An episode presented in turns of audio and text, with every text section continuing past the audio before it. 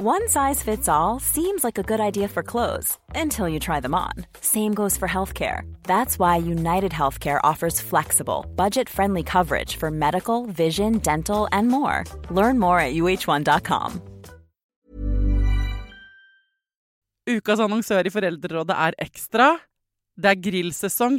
Endelig. Alle dere som har fulgt meg gjennom en lang vinter, vet at jeg har nesten strøket med av kjedsomhet. Men nå kan vi spise ute, vi kan leve ute, vi kan henge ute, og vi kan grille. Ekstra har sitt største grillutvalg noensinne, og hør godt etter nå. Her er en del av grillutvalget deres. Habanero-pølser, salsiccia-pølser, black aged pepper-pølser, cheesy bacon-pølser, beefy burger, cheesy burger, skinny burger, big beefy gourmet-burger, fiskeburger med hvitløk, fiskeburger med baconrødbet og søtpotetburger, soppburger, barbecue, grillfilet, svinenakke med oregano og tomat, urtemarinert fårefilet, brisket, eller brisket som det egentlig heter, T-bone steak, flank steak, tomahawk, laksefilet med pesto, laksefilet med sitron, scampi med hvitløk og urter, crispy fiskeburger med ost, kyllingfilet med sitron og urter, kylling overlår, gyros, kyllingspyd, smoke barbecue, lårfilet av kylling og entrecôte. Takk for meg. Dette er bare noen av produktene i Ekstra sitt største grillutvalg noensinne, og kommer bl.a. fra Norges mest prisvinnende grillserie, Grill Perfekt.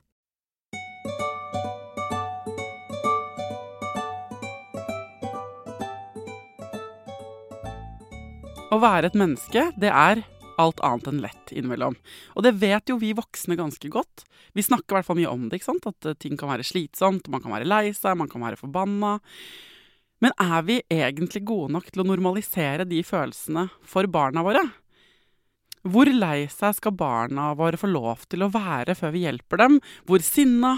Hvor sinna og frustrerte er det greit at de er, før vi prøver å hjelpe til å rydde opp og ordne? Hvis de føler seg utenfor, ikke sant? når skal vi hjelpe, og når skal vi sitte på hendene våre og la dem få lov å kjenne på livets realiteter? I dag er psykologspesialist Line Marie Warholm tilbake i Foreldrerådet. Og Line hun håper på en foreldrerevolusjon.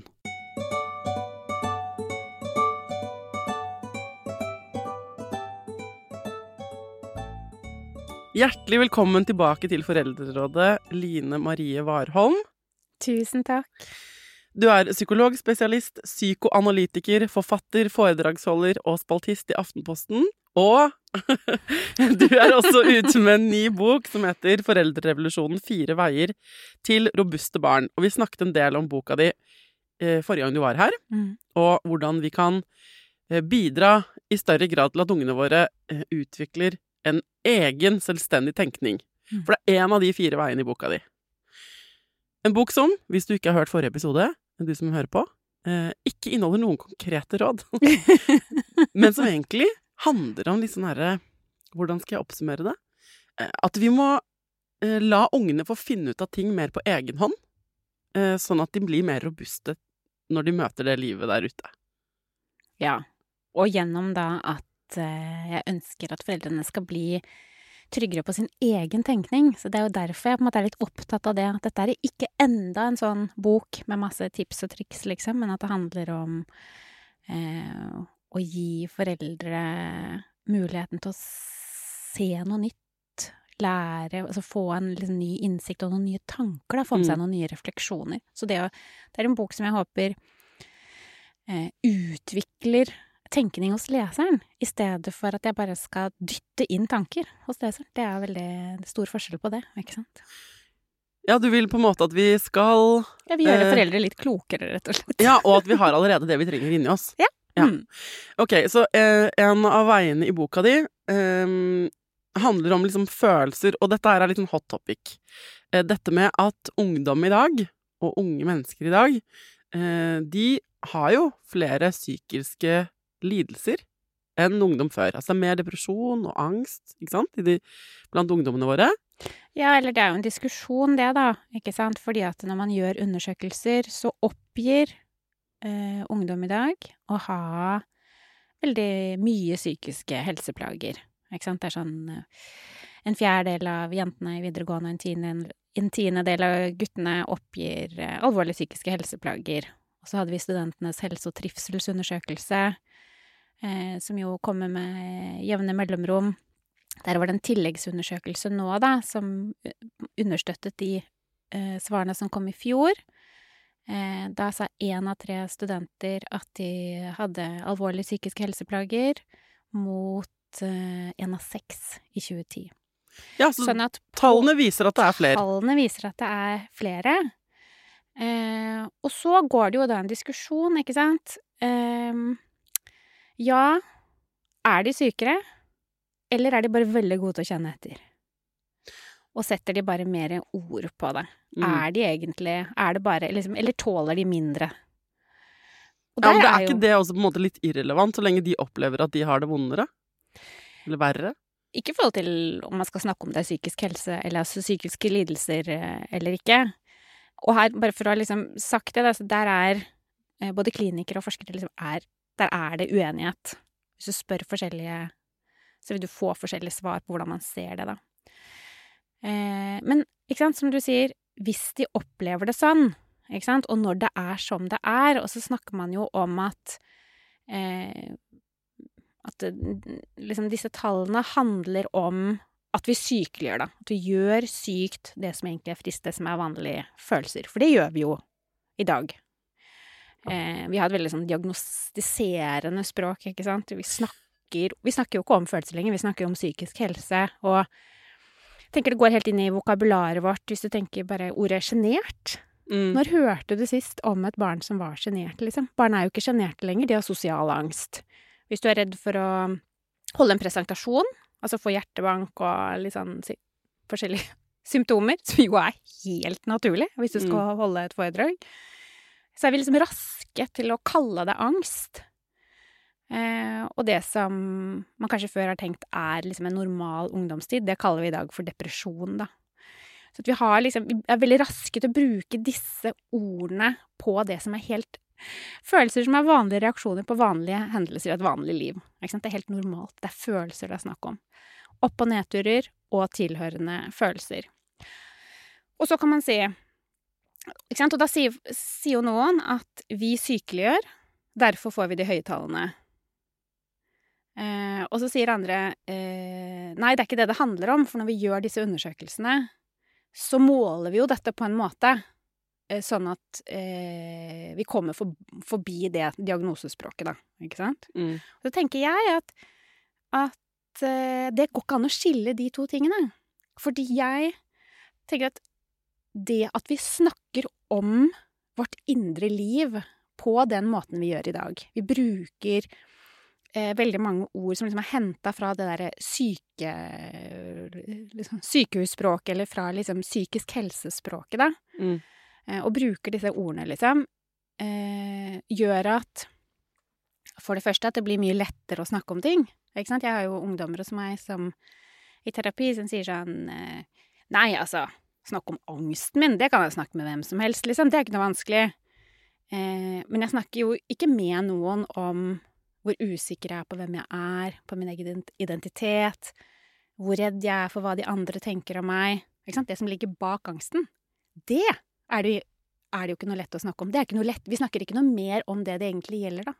Ved det syk sykeliggjørende språket så skaper vi en distanse, og vi har fått en måte å snakke om det på som gjør oss dårligere i stand til å håndtere følelsene våre. Og når vi er dårligere i stand til å håndtere følelsene våre, så Det er jo da vi blir syke av følelsene. Dette syns jeg er litt komplisert. Ja. Noen tenker vel at vi det er kjempebra at vi snakker så mye om følelser på den måten vi gjør. At jeg kan sette ord på, at barna dine, at ungdommene dine kan sette ord på bare hva som er en angst eller en eh, selvbevissthet, eller hva som er frustrasjon. Det er kjempebra. Mm. Det, er, det heier vi på. Det heier vi på. Det er kjempefint at vi får et språk for det indre landskapet, alt det som foregår inni oss, som påvirker 100% hvordan vi opplever verden. Men der, ikke sant, for det er det, for det er det jeg tenker at vi ikke gjør. Vi har ikke fått noe bedre språk for det indre landskapet, vi har fått et fattigere språk. Vi tror at vi snakker mer om følelser, men når vi bruker så mye av liksom det derre Når vi er så opptatt av psykisk helse, så mister vi på en måte Det er som å se vårt indre liv i sort-hvitt, da. Altså uten farger, på en måte, uten alt det som er sånn helt øh, individuelt. Altså en angst, liksom, eller en depresjon. Den kan jo arte seg på ja, like mange måter som det er mennesker, da. Så du mener at undersøkelsene som viser at ungdommer i dag, eller at unge voksne har det verre, på en måte, da, for å si det helt sånn banalt, det, det viser egentlig ikke hva som ligger bak. Man kaller ting angst, som ikke nødvendigvis er angst. Er det det du mener? Um, Eller depresjon, da? Her er det jo en diskusjon, ikke sant, med hva som er på en måte at Altså, det er for komplekst, da. At det går ikke an å si det så tydelig. Nei. Ikke sant? Men at det er nettopp den kompleksiteten som vi mangler i dag. Ikke sant? Vi, vi vil gjerne, når vi snakker om psykisk helse også, så vil vi ha sånn Hvorfor har unge det verre? Ja. Og så skal man ha sånn bang, bang, bang, bang. Altså, man vet ikke. Dette er jo kjempe... Det er mennesker vi snakker om. Dette er kjempekomplekst, og det er jo så mange faktorer som bidrar inn i ett menneske. Ikke sant? Mm. Og så er det som om man liksom skal gi et svar på eh, hvorfor det har blitt sånn, da. Og det er jo naturligvis veldig komplekst, ikke sant? For foreldre som hører på, som har lyst til å la, gjøre barna sine mer robuste emosjonelt, Mm. Hva skal vi gjøre da, sånn som du ser det? Ikke vær så redd for følelser, altså. altså for jeg tror, tror at det er noe av det Noe av det vanskeligste for barna våre i dag, og er jo det at de, de vokser jo opp med voksne som er så redd for følelsene deres. Ikke sant? For at eh, Nå, men nå sier du en sånn eh, På hvilket grunnlag sier du at vi er redde for følelsene deres? Jeg tenker at eh, At det er både liksom hvordan vi snakker om det i samfunnet også, men at det er eh, en sånn bekymring da, som jeg merker veldig mye både blant foreldre og andre som jobber med barn, at eh, når et barn får det vanskelig, eh, så blir man veldig sånn alarmert. Man blir liksom veldig redd for hva det kan være, da. Mm. Um, og at jeg opplever det ikke sant, når folk kommer til meg og spør liksom, ja, hva skal man gjøre, hva skal man si altså, Vi blir så redd for å bare snakke med ungene våre om følelser. da. Vi liksom blir veldig sånn eh, dramatiske. Men når du sier at vi har blitt, vi blitt redde. så redde for det, var vi mindre Mm. redde for det før? Er dette liksom en romantisering av hvordan eh, For å sette det på spissen, vi i gamle dager var sånn ja ja, get up, liksom. Det bør sta deg, kom deg videre. Den litt sånn gammeldagse, litt kanskje autoritære stilen. Nei, det er et godt poeng. Jeg tenker vi er kanskje ikke noe eh, mindre redde, men, men at det som er liksom kjennetegner kanskje den tiden vi lever i, da. Altså før så var man redde og unngikk det. Altså man Mm. snakket ikke om følelser, kanskje. Ikke Mhm. sant? Men hvis du da går til eh, litteraturen, for eksempel, litteratur og film og kunst, der er det jo stor plass for følelser. Så i, liksom opp igjennom i kulturen så har man jo hatt mange måter å forholde seg til følelser på, selv om man kanskje har hatt en tone hvor man ikke har vært så flink til å si 'jeg er glad i deg', eller 'hva føler du egentlig'? Ikke sant? Så er jo det å på en måte ha et uttrykk for indre følelsesliv, da. Mm. Vi Det har, har man jo hatt, ikke sant? Mens jeg tenker at i dag så har vi jo Altså, vi, vi snakker og snakker og snakker og snakker om psykisk helse, ikke sant? Og barn og unge i dag har jo utrolig mye kunnskap om psykisk helse, men de blir ikke noe friskere av det. Så det, er- det er jo det som er paradokset. ja. Og da handler det om konkret for foreldre, så handler det om nettopp det der at Å liksom ha litt sånn toleranse for det at når barnet ditt er drittlei, liksom, og lei seg og eh, sint og har store følelser, det er helt naturlig i barn. At man ikke da med en gang blir veldig sånn opptatt av om er barnet mitt sykt? Okay. Er, det noe, er det noe jeg må gjøre, liksom? Det der at når barna dine viser sterke følelser, er ikke sikkert at du skal gjøre noe. Barnet ditt har sterke følelser. Det er helt naturlig, liksom. Ikke sant? Så det er der jeg tenker Jeg, jeg tror Så det du vil, er å gi oss den derre fra psykologspesialisten eh, sjæl. En sånn 'Dette er helt vanlig'. mm, eh, Den, ja, det er kjempeslitsomt å stå hvis barnet ditt har en dårlig dag, eller har, er veldig sinna eller frustrert, eller er ordentlig lei seg, har en dårlig periode på skolen eller i barnehagen eller på fotballen for den saks skyld, eller det er, det er tøffe tider, så er det eh, Det er vanlig i et Mm. liv. Det skjer. Det vi ikke trenger, er å bekymre oss på toppen av Mm. at det er vanskelig. Ja. Og fordi at jeg kan kjenne meg veldig igjen i eh, at del én er at det er noe som er vanskelig eller frustrerende, Mhm. og så kommer all bekymringen på toppen for om dette er farlig. Ja. Eller eh, burde jeg ringe noen? Mm. Eh, er dette ikke sant, eh, psykologmat? Mm. Ja, ikke sant. Ja. Vi er veldig raske til det, altså. Og vi, Så du vil bare normalisere alle bølgene som er eh, normale i et liv. Ja, vi må huske på det at eh, sant, det er helt normalt og nyttig for barna våre å ha mange erfaringer som også er vonde, gjennom barndommen og ungdomstiden. Altså, altså vi sykeliggjør ungdomsfasen helt intenst, ikke sant, eh, ved at eh, vi tenker liksom at, eh, at det skal gå an for et menneske å gå fra å være et lite barn til å bli et voksent menneske uten at det på en måte skal eh, Altså, det er en helt enorm transformasjon, liksom. Og med hormoner og alt man skal igjennom av å liksom eh, Altså med kropp. Man får en ny kropp, og man blir fremmed for seg selv. Og så skal man gå gjennom det som jo er liksom bare krise på krise på krise. Og så skal man liksom være følelsesmessig vater gjennom det. Det går jo ikke. ikke? Så det er jo noe med det der at vi må vi må på en måte ha en høyere bevissthet om at det å være ungdom, det er skikkelig tøft. Ikke sant? Eh, så det er jo ikke sånn at vi skal be ungdom å skjerpe seg. Dere er ikke sjuke, dere bare kjenner for godt etter. Det er ikke det det, er ikke det, det handler om, men jeg, jeg tenker at Ja, for det kan høres litt sånn hadde, ut. Ja, at det hadde vært mer fruktbart hvis vi liksom kunne snakke mer om at det er ikke sykt å ha det veldig vanskelig når du er ungdom, men det er jo fordi den fasen er jo helt vill. Mm. Man opplever jo nesten ikke noe som er like vanskelig. Altså, du blir født, det husker vi jo ikke, kanskje heldigvis. Og så har du ungdomstida, og så har du når du får unger.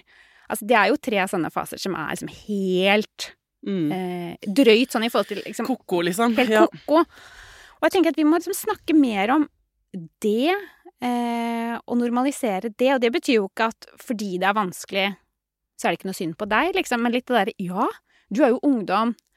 Eh, det er fryktelig mye du skal finne ut av. Og det er jo helt grusomt å føle at man ikke vet hvem man er, hvor man skal, eh, ikke Al- føle seg komfortabel i kroppen sin, at alt føles galt og fremmed. Ja, det er sånn det er å være ungdom. Det er helt normalt. Så kommer det bedre tider. Vi, mm, uten å utlevere eh, ting på hjemmebane for mye, så hadde vi en veldig fin samtale her, jeg og min eh, unge her forleden, som endte med at jeg viste han et sånt meme jeg nå skal prøve å forklare. Som er um, Der um, ruten er delt i to. Og så er det sånn uh, What people think success looks like på den ene siden. Mm. Og da er det en sånn linje som går fra et bunnpunkt, og så går den skrått opp. En helt ren sånn uh, graf som går oppover, liksom. Mm. Og så på den andre siden av det samme eh, liksom, memet, så står det What success really looks like, som er en sånn veldig krøllete. Altså linjen starter på det samme punktet og som den andre, og ender høyere opp. Men det er en krusedull, Mm. ikke sant? Så satt vi og så på det, jeg tok det frem, for jeg vil si sånn um, Det er ikke sånn som folk tror, eller når du ser på TikTok eller Instagram, eller man tenker sånn Ja, jeg skal begynne på et prosjekt, og så skal jeg gå fra dette til dette, eller eh, livet skal bli liksom lineært bedre hele tiden. Mm. Det er ikke sånn det er. Det er så mange kruseduller. Og akkurat i dag, hvor i den krusedulen føler du deg, liksom? For jeg føler meg her. Og, og det der tenker jeg Én ting er for ungdommene våre, men for oss sjæl òg. Mm. Det der med at jeg kan føle at jeg gjør noe feil hvis jeg har en ræva dag. Mm. Det må jeg stadig vekk minnes om av mine medmennesker, om at det er ikke feil. Det er en del av livet sjæl. Mm. Men jeg er for dårlig til å huske på det selv i hverdagen. Når jeg har det dritt, så er det noe i meg som bare Sånn her skal jeg ikke ha det! Mm. Jeg skal ikke ha det sånn her. Det er noe feil. Jeg må ringe noen. Jeg må Er det Jeg trenger en blodprøve. Har jeg D-vitaminmangel? Er jeg deprimert? Må jeg snakke med noen? Jeg blir sånn veldig fort. Jeg hopper fort til. Fordi jeg, fordi jeg ikke vet om jeg må liksom Er dette noe jeg skal bare hæle, hæle, hæle? Eller er dette noe jeg skal løse, løse, løse? Men det er jo en helt naturlig og flott drivkraft i oss også, ikke sant? At når vi står overfor et eller annet ubehag, så gjør vi det vi kan for å fjerne det. Ikke Ja, sant? men Det jo... jeg, jeg spurte min psykolog Ja. i time fire, liksom. Eh, da jeg begynte å gå til han for noen år siden, så sa jeg sånn OK, OK, OK, ok, ok. Men hva hadde skjedd hvis vi, menneskeheten bare hadde begynt å tåle mer ubehag istedenfor å prøve å løse det? Og da så han på meg sa sånn Da hadde vi jo Da hadde jo verden blitt helt annerledes. Mm. Istedenfor å på en måte hoppe til hudkrem med en gang du så en rynke, løpe på treningssenteret med en gang du la på deg, med en gang du altså Hvis du bare hadde Istedenfor å Hvis vi hadde hatt mer aksept for tingenes tilstand, Mm. og min, for det første hadde industrier gått konkurs det, det er så mye i økonomien som er lagt opp rundt å løse ting. Mm. Eh, Og holde oss vekk fra ubehag. Mm. Det er jo ikke rart Og vi det er lærer veldig- dette til ungene våre også. Nei, og det er veldig mye psykisk lidelse som jo handler om å unngå følelser. Symptomer på psykisk lidelse er jo ofte ulike strategier for å unngå følelsene. Ikke Ja. Men hvordan skal vi da i et sunn... Vi lever jo i denne verden, Line, Mm. med ungene våre som lever i denne verden. De går på en skole ofte, da, um, som eh, også er litt redde for at de skal ha det vondt. Mm. Så øh, hvordan skal vi, skal vi være som foreldre som sier sånn Ja ja, du har det ræva. Sånn er livet. Nei, er det det fordi- du mener? Nei, fordi jeg tenker jo at eh, eh, det som er det vakre med at eh, livet er sånn, og at de fleste av oss, eller egentlig alle, da, møter jo på eh, mange av de samme opplevelsene i løpet av et liv, er jo nettopp det at vi ikke egentlig står så aleine. Sånn at det å lene oss på våre nærmeste, det å få trøst og støtte og forståelse når vi har det vanskelig, er jo noe av det vakreste i verden. Sånn at hvis vi hele tiden skal fjerne alt ubehag og alt, all tristhet og alt som er vondt, da, så går vi jo også glipp av den utrolig fine erfaringen det er å ha det vanskelig og kjenne at der har jeg folk rundt meg som er der for meg når det butter, liksom. One size fits all seemed like a good idea for clothes Nice dress. Uh, it's a it's a t-shirt. until you tried it on. Same goes for your healthcare. That's why United Healthcare offers a variety of flexible, budget friendly coverage for medical, vision, dental, and more. So, whether you're between jobs, coming off a parent's plan, or even missed open enrollment, you can find the plan that fits you best. Find out more about United Healthcare coverage at uh1.com. That's uh1.com. Nice. Yeah. What you're hearing are the sounds of people everywhere putting on Bombas socks, underwear, and t-shirts made from absurdly soft materials that feel like plush clouds.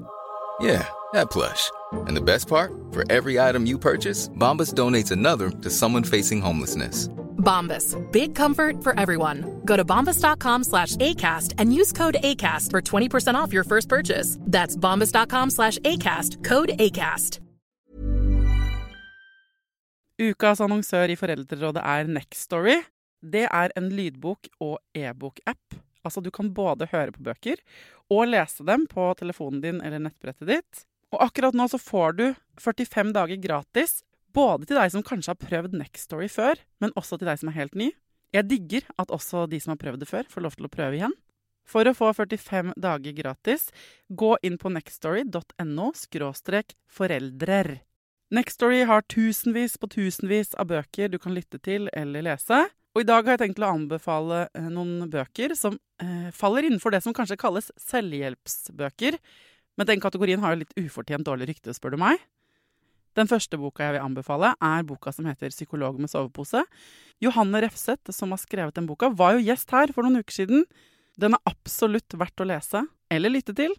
Andre anbefalingen jeg vil gi deg, er Sissel Grans bok 'Men størst av alt er begjæret', som handler om det å begjære noen andre enn den du er sammen med. Og jeg har også laget en episode med Sissel Gran om det temaet for et par år siden. Den boka er fantastisk.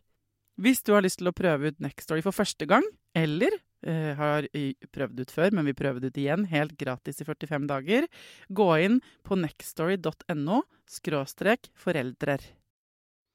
Sånn, at, okay, men- så- sånn at det å møte barna på følelsene, og det å trøste og forstå, det er alltid fint. Ikke sant? Det blir jo aldri feil. Men Eller Men du kan samtidig si liksom Ja, dette skjønner jeg, og nå eh, Og gi den trøsten, da. Ikke sant? Mm. Og så samtidig formidle at eh, Men sånn er livet, liksom. Og Ja, kanskje eller- særlig når En ting er jo mer liksom sånn eh, tristhet og redsel og sånn, men kanskje særlig når det gjelder avvisning, da, så tenker jeg at det er veldig viktig. For der er vi jo veldig ofte Det syns vi jo ofte er vanskelig, ikke sant, å la barna stå i avvisning og litt sånn hvis ikke de har fått være med å leke, så ringer vi rundt til de andre mammaene, og, og der er vi jo veldig på det derre eh, fikse og, og ordne med en gang. Men hvis vi der klarer å møte barna på følelsene, altså det å, å bli avvist, er jo fryktelig vondt. Det er jo også et element av skam, ofte, når man blir avvist. Og hvis du som forelder da møter barnet ditt med Hva? Er det sant? Gjorde de det? Og vil liksom bli veldig sånn, så øker du jo den skamfølelsen, faktisk. For da gjør du jo liksom situasjonen til så, så dramatisk. Mm. Så det å klare å møte barnet liksom med medfølelse i at det er vondt å ikke få være med, og så samtidig med den holdningen at ja, sånn er livet, ikke sant. Nå har de vært litt kjipe mot deg, kanskje.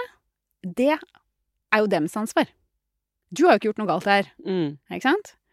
Hvis det er sånn som du sier, ja, da har de kanskje vært litt kjipe mot deg. Eh, det er jo synd for dem, da, at de er sånne mennesker. Det, det er ikke, ikke sant? Du har jo ikke gjort noen ting, men sånn er det. Og sånne folk kommer du til å møte på gjennom hele livet. Sånn er det, dessverre. Og det er skikkelig vondt hver gang det skjer. Vil du ha en klem, skal vi finne på noe hyggelig sammen, liksom. Ikke sant? Uten at man hopper inn i situasjonen og endrer den, eller formidler et verdensbilde til barnet hvor når du har det vondt, er det noe som er galt her i verden? Altså med systemene våre, eller med andre mennesker, eller her må noen komme inn og rydde opp, eller her må vi lage noen regler, så ikke dette skjer igjen. Men Sånn noen ganger så må man det. Ja, noen ganger så må man det. Sånn at det der å finne det balansepunktet, ikke sant. For nå kan jeg også høre at du av noen vil bli tatt til inntekt for at vi skal på en måte um, Jeg hører for meg lytterne her, ikke sant. Og det er mange tusen lyttere. Mm. Og så har du én fløy som er sånn OK, dette er sant. Eller sånn Ja, eh, jeg skjønner hva du mener. Og som forstår det akkurat sånn som du ønsker å bli forstått. Mm. Og så har du en fløy som sier sånn Dette har jeg alltid sagt, det er ikke noe farlig. Som har litt sånn gammeldags patriarkalsk, kanskje, eller litt sånn her sånn eh, ser for deg sånn 70-80-tallsoppdragelsen, som var litt mer eh, hard i klypa, da. Som er sånn nettopp er, eh, Som ikke gir noe særlig empati, kanskje. Eller Ja, som er ikke får til den trøstebiten. ikke fortsett testebiten og sier sånn Yes, nå sa psykologspesialisten nøyaktig det jeg alltid har ment. Mm. Litt sånn boomeraktig, hvis du skjønner. Men kanskje enda eldre som foreldregenerasjonen, da. Mm. Over oss. Um, hei til dere, jeg elsker dere som lytter òg. ja, men jeg mener det. Og så har du de på den andre siden igjen, helt andre siden, som sier sånn Hva? Dette er jo ikke å anerkjenne barns følelser i det hele tatt. Mitt barn skal ikke akseptere utenforskap. Det skaper følgefeil. Og hvis jeg ikke tar det på alvor og ringer til de til skolen og sier fra, så er dette en mobbesak. Dette er en 9A-sak på skolen Mm. som vi må ta tak i med en gang. Mm. For jeg vil ikke at mitt barn skal få sår i sjelen sin som da vil gjøre at hun eller han er- stiller mer sårbart liksom neste gang. Mm. Hva, vil du si til de, den siste gruppen der? Ja, da vil jeg si at eh, ja, det skulle jeg virkelig ønske. At eh, barna våre vokste opp i en verden der det ikke var krig, der man ikke kunne bli påkjørt, der ingen har vonde følelser, der alle er snille mot hverandre. Ja, det skulle jeg ønske. Og at vi kunne lage regler som alle Og at det var sånn at hvis bare alle fulgte reglene, eller systemene, så ble menneskene snille mot hverandre, på en måte. Eh, sånn er jo ikke verden. Sånn at hvis vi skal jobbe med noe som er så alvorlig som eh, mobbing og utenforskap. Altså de ordentlige, det ordentlige utenforskapet. Ikke det å ikke få være med å leike en ettermiddag, liksom, men det å virkelig stå utenfor. Hvis vi skal få noe bukt med det, så må vi jo slutte å holde fokuset på de som blir utestengt. Vi må ha fokuset på de som ikke inkluderer, eller de som holder andre barn utenfor. Ikke sant? Fordi at for at de som står utenfor, skal inviteres inn, eh, så må jo de barna som allerede er innenfor, må gidde å strekke ut den hånda, og ofte risikere selv å havne litt utenfor. Hvis vi tenker at vi skal For det første er det en utopi, da, å utradere liksom Jeg tenker mange blander utenforskap med det at folk søker sammen i grupper.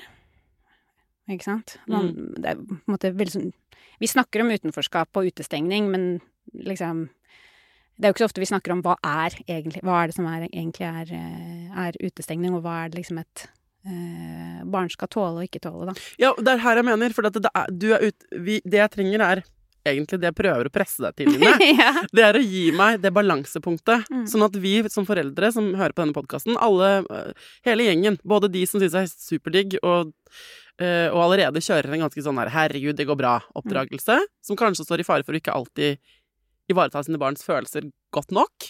Og så har du Og alle er kjempeflinke foreldre, det vil jeg bare understreke. Vi bare er, øh, har en naturlig spredning på det spekteret, tror jeg. Og så har du de som er liksom midt på treet der, som øhm, veksler litt mellom ytterpunktene av og til, litt, øh, ikke sant. Og så har du de som er mer sånn kanskje litt mer det du kritiserer kanskje litt, da, som er sånn at de syr litt puter under armene på barna våre. Du sier at det er en fare for at vi ikke vi gir ikke ungene våre det de trenger alltid for å kunne bare møte verden robuste nok. jeg vil gjerne at du skal hjelpe oss med å finne hele gjengen, det balansepunktet, sånn at vi eh, på den ene siden eh, ikke lar barna våre stå i masse dritt de ikke trenger å stå i, som er urettferdig, for det er det vi er redde for. Eh, men på den andre siden ikke overbeskytter dem. Ja. Hvordan vet vi, Jo, når barnet ditt kommer hjem med en drittfølelse, om det er utenforskap eller om det er noe annet, om denne frustrasjonen er innafor og normal, eller om dette er noe vi burde søke hjelp om? jeg tenker at det som, som er liksom det aller viktigste å løfte opp her, kanskje, da, i akkurat disse sakene, er jo nettopp det at én ting er jo hva ungene våre setter i gang av utestengning og drama. Men hva foreldregruppa kan sette i gang av drama, er jo noe helt annet. Og jeg tenker, ikke sant, ungene våre lærer jo av oss, og hvis de skal møte hverandre med vennlighet og nysgjerrighet og medfølelse, så må jo de se at vi voksne også møter hverandre på den måten.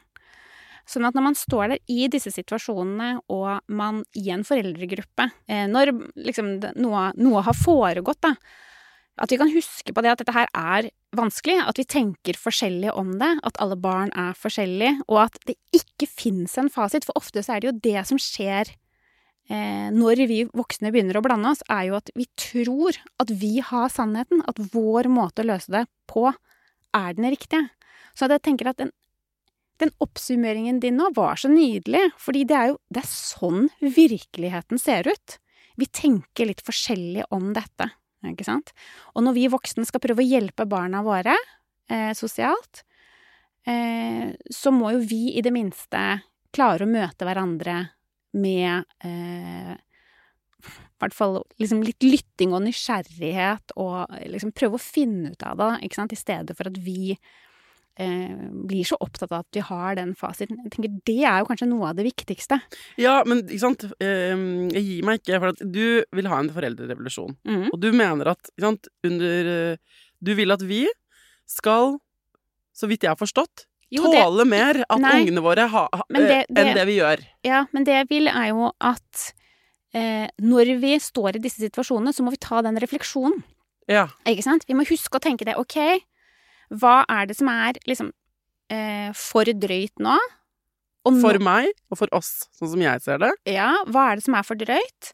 Eh, og hva er det som kanskje er liksom en sånn rimelig ålreit erfaring? Ok, dette gjør litt vondt, men dette lærte du ganske mye av, på en måte. Eller dette er verden. Altså det å stå i den At man husker på at det er en avveining man skal gjøre. For jeg tror, ikke sant, for de fleste av oss så hopper vi bare på det der, nettopp det der med å ta bort det vonde. Poenget her er ikke hva svaret er. Poenget er at hvis du klarer å stille deg selv det spørsmålet, Mm. så har du kommet mer enn langt nok. Liksom. Bra! Du må bare Sagt. stille det spørsmålet, for da har du begge de da har du de to liksom, holdepunktene å vurdere ut ifra, i stedet du- for å bare løpe etter det ene. Ja. Ok, så vi skal stille oss spørsmålet når When shit hits the fan, som et uttrykk jeg liker veldig godt, når ting blir vanskelig. Om det er fordi det er et meltdown før middag, eller om det er fordi ungen din har uh, stått i en skikkelig kjip uh, konflikt på skolen, eller det er en krangling hjemme på hjemmebane, så skal du bare ha med deg det spørsmålet, kjære forelder, hvor du nå enn er på dette spekteret jeg la frem i stad. Eh, hva i dette her er det lurt at barnet mitt får erfare, så jeg ikke burde hoppe inn og løse med en gang? Og når er det, det dette blir for drøyt? Mm. Hvor setter jeg grensen? Sånn, ungene kan krangle, men hvor går grensen med krangling? For krangling er naturlig i en søskenflokk. Hvor går grensen her? Og da må jo du vurdere sånn. De fleste, ikke sant. Slå, for eksempel. De tingene der er ikke greit. Er det greit å kalle hverandre skikkelig stygge ting? Nei, sannsynligvis ikke.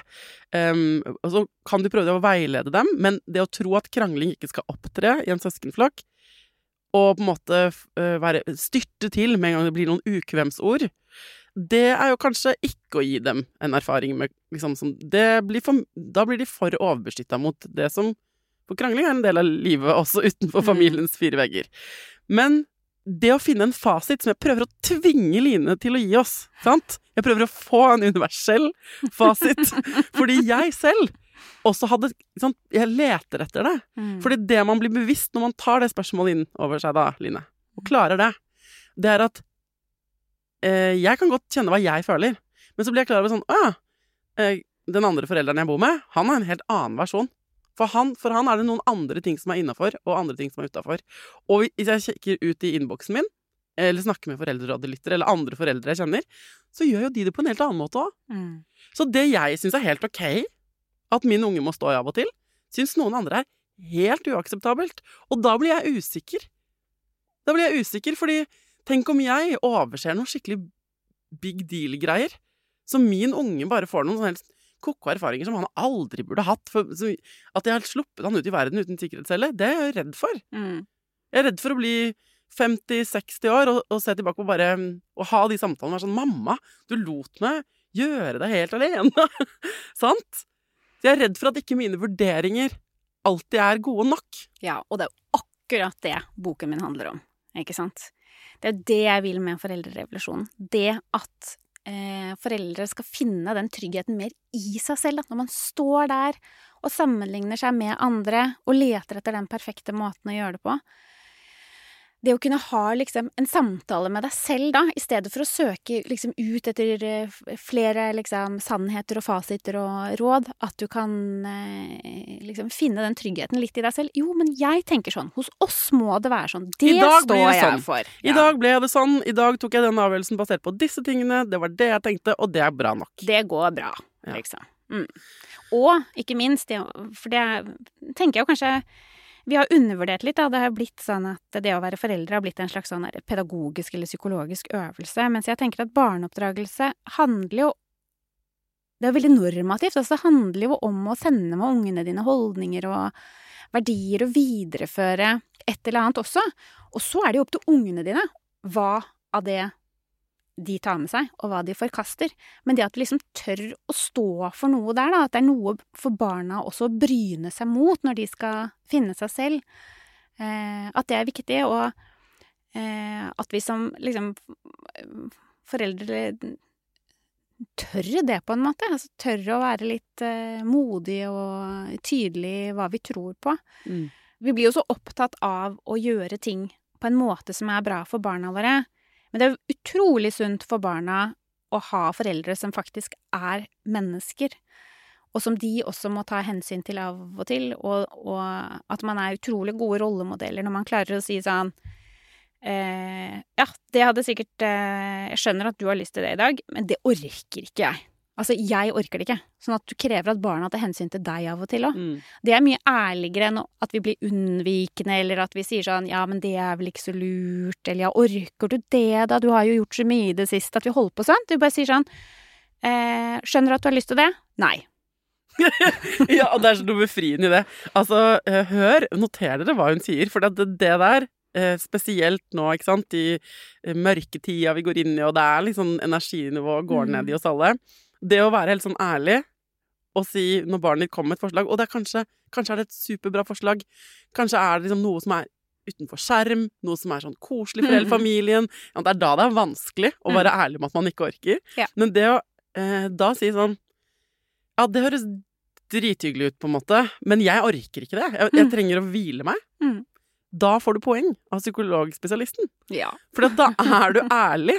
Ikke Ja, du er ærlig på egne behov, og du kommuniserer tydelig, og du er en veldig god rollemodell i å sette grenser. Og det vil jo du at barnet ditt skal gjøre når det går ut i verden i si, og får sine relasjoner og kanskje en kjæreste etter hvert Mm. og sånn. Du vil jo at ungen din skal klare å si nei til kjæresten sin, Mm. ikke sant?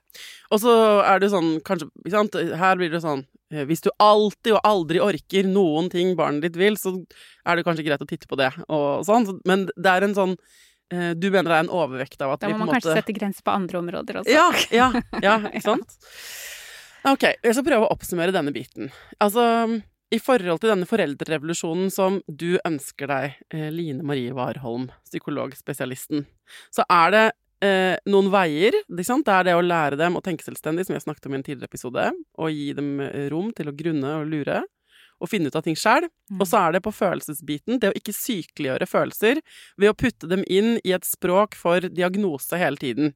For at det, eh, det er bra at de lærer disse ordene, og det er bra at de lærer å snakke om psykisk helse, på en måte. Det er kjempebra. Men vi har Så vi har tatt ett skritt i riktig retning, men vi trenger Vi mangler fortsatt det levelet, så vidt jeg forstår deg, om å faktisk snakke om følelsene som en Mm. normal del av livet. Sånn at hvis vi stopper samtalen med sånn 'Å ja, du har angst. Å, da skal vi ikke gjøre det mer'. Mm. Eh, eh, 'Å, du blir redd. Nei, men ok, da holder vi deg vekk fra det'.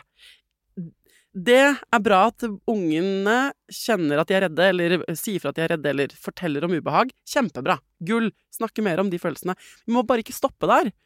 De må få, hø de må få øvelse i å bare OK, hva er det som skjer i deg da? Hvordan er det? Å, herregud, det skjønner jeg godt at det ikke er noe kult. Men uten å bli sånn Vi må ringe noen. Sånn her kan du ikke ha det. Mm. Altså setningen 'sånn her skal du ikke ha det', Mm. den må vi være litt forsiktige med. Ja, den med. må vi være litt forsiktige med. Den Mm. sier jeg mer enn jeg har Før jeg snakket med deg, så øh, tenkte jeg ikke noe over det, men nå tenker jeg at jeg ganske ofte sier sånn 'Sånn her skal ikke du ha det'. Men jeg sier det til meg selv òg. 'Sånn her skal ikke jeg ha det'. Sier det til kjæresten min. 'Sånn her skal ikke jeg ha det'. Eller sånn her syns jeg ikke vi skal ha det. Og det jeg kom på nå mens jeg snakket med deg, var sånn Det er jo faktisk sånn vi skal ha det. Det er sånn det er, faktisk. Ja, Søsteren min sa til meg på telefonen forrige uke 'Du har bare altfor høye forventninger til hverdagen', vet du. Ja. Og det var på en måte Det er litt sant. Mm. Jeg tror jeg er en sånn type som har så lyst til å ha det kult og gøy og koselig hele tiden, Mm. at jeg litt glemmer at eh, det er på en måte At terningkast fem og seks, det er på en måte det, Vi kan ikke ligge der hele tiden. Mm. Jeg er litt dårlig på å tåle terningkast tre. Mm. Jeg er god på terningkast én og to. I krise, der er jeg god. Og på liksom, toppnivå, når vi virkelig koser oss, da koser vi oss jo. Men den der jevne, gode treeren, Mm. som jo en hverdag ofte er, Ja. der blir jeg ganske frustrert. Så da må jeg øve meg. ja, det tror jeg de fleste av oss kan øve seg litt på. Både Mm. treer hverdager og eh, ikke minst det å være en treer. Tusen takk for at du kom tilbake til Foreldrerådet, Line. Tusen takk for at jeg fikk komme.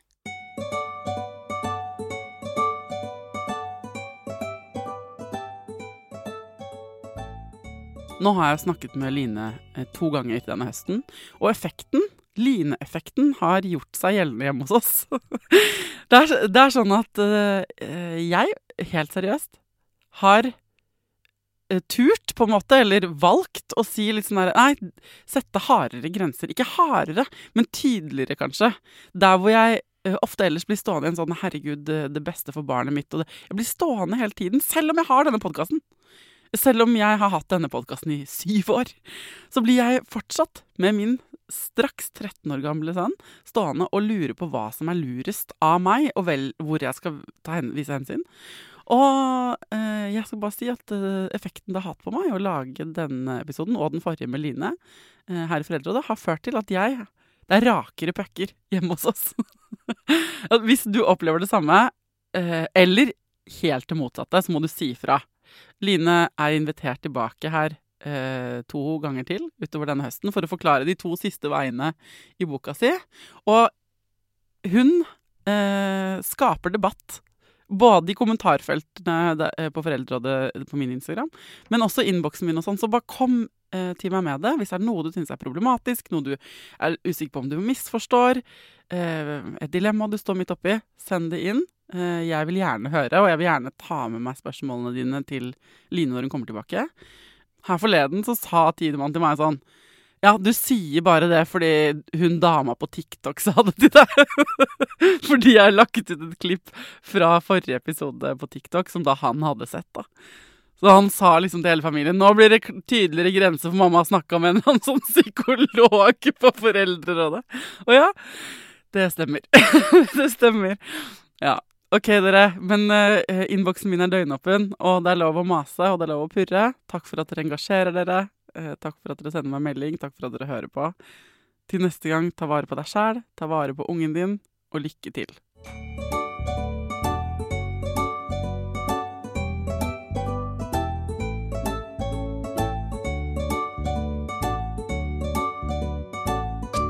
Produsert av Klinge.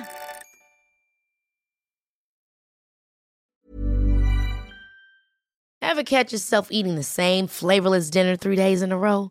Dreaming of something better? Well, HelloFresh is your guilt-free dream come true, baby. It's me, Kiki Palmer. Let's wake up those taste buds with hot, juicy pecan-crusted chicken or garlic butter shrimp scampi. Mm.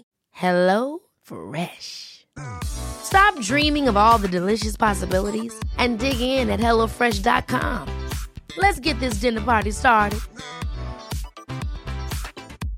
Imagine the softest sheets you've ever felt. Now imagine them getting even softer over time. That's what you'll feel with Bowl and Branch's organic cotton sheets. In a recent customer survey, 96% replied that Bowl and Branch sheets get softer with every wash. Start getting your best night's sleep in these sheets that get softer and softer for years to come. Try their sheets with a 30-night guarantee. Plus, get 15% off your first order at bowlandbranch.com. Code BUTTERY. Exclusions apply. See site for details. Hi, I'm Daniel, founder of Pretty Litter. Cats and cat owners deserve better than any old-fashioned litter. That's why I teamed up with scientists and veterinarians to create Pretty Litter. Its innovative crystal formula has superior odor control and weighs up to 80% less than clay litter. Pretty Litter even monitors health by changing colors to help detect early signs of potential illness. It's the world's smartest kitty litter. Go to prettylitter.com and use code ACAST for 20% off your first order and a free cat toy. Terms and conditions apply. See site for details.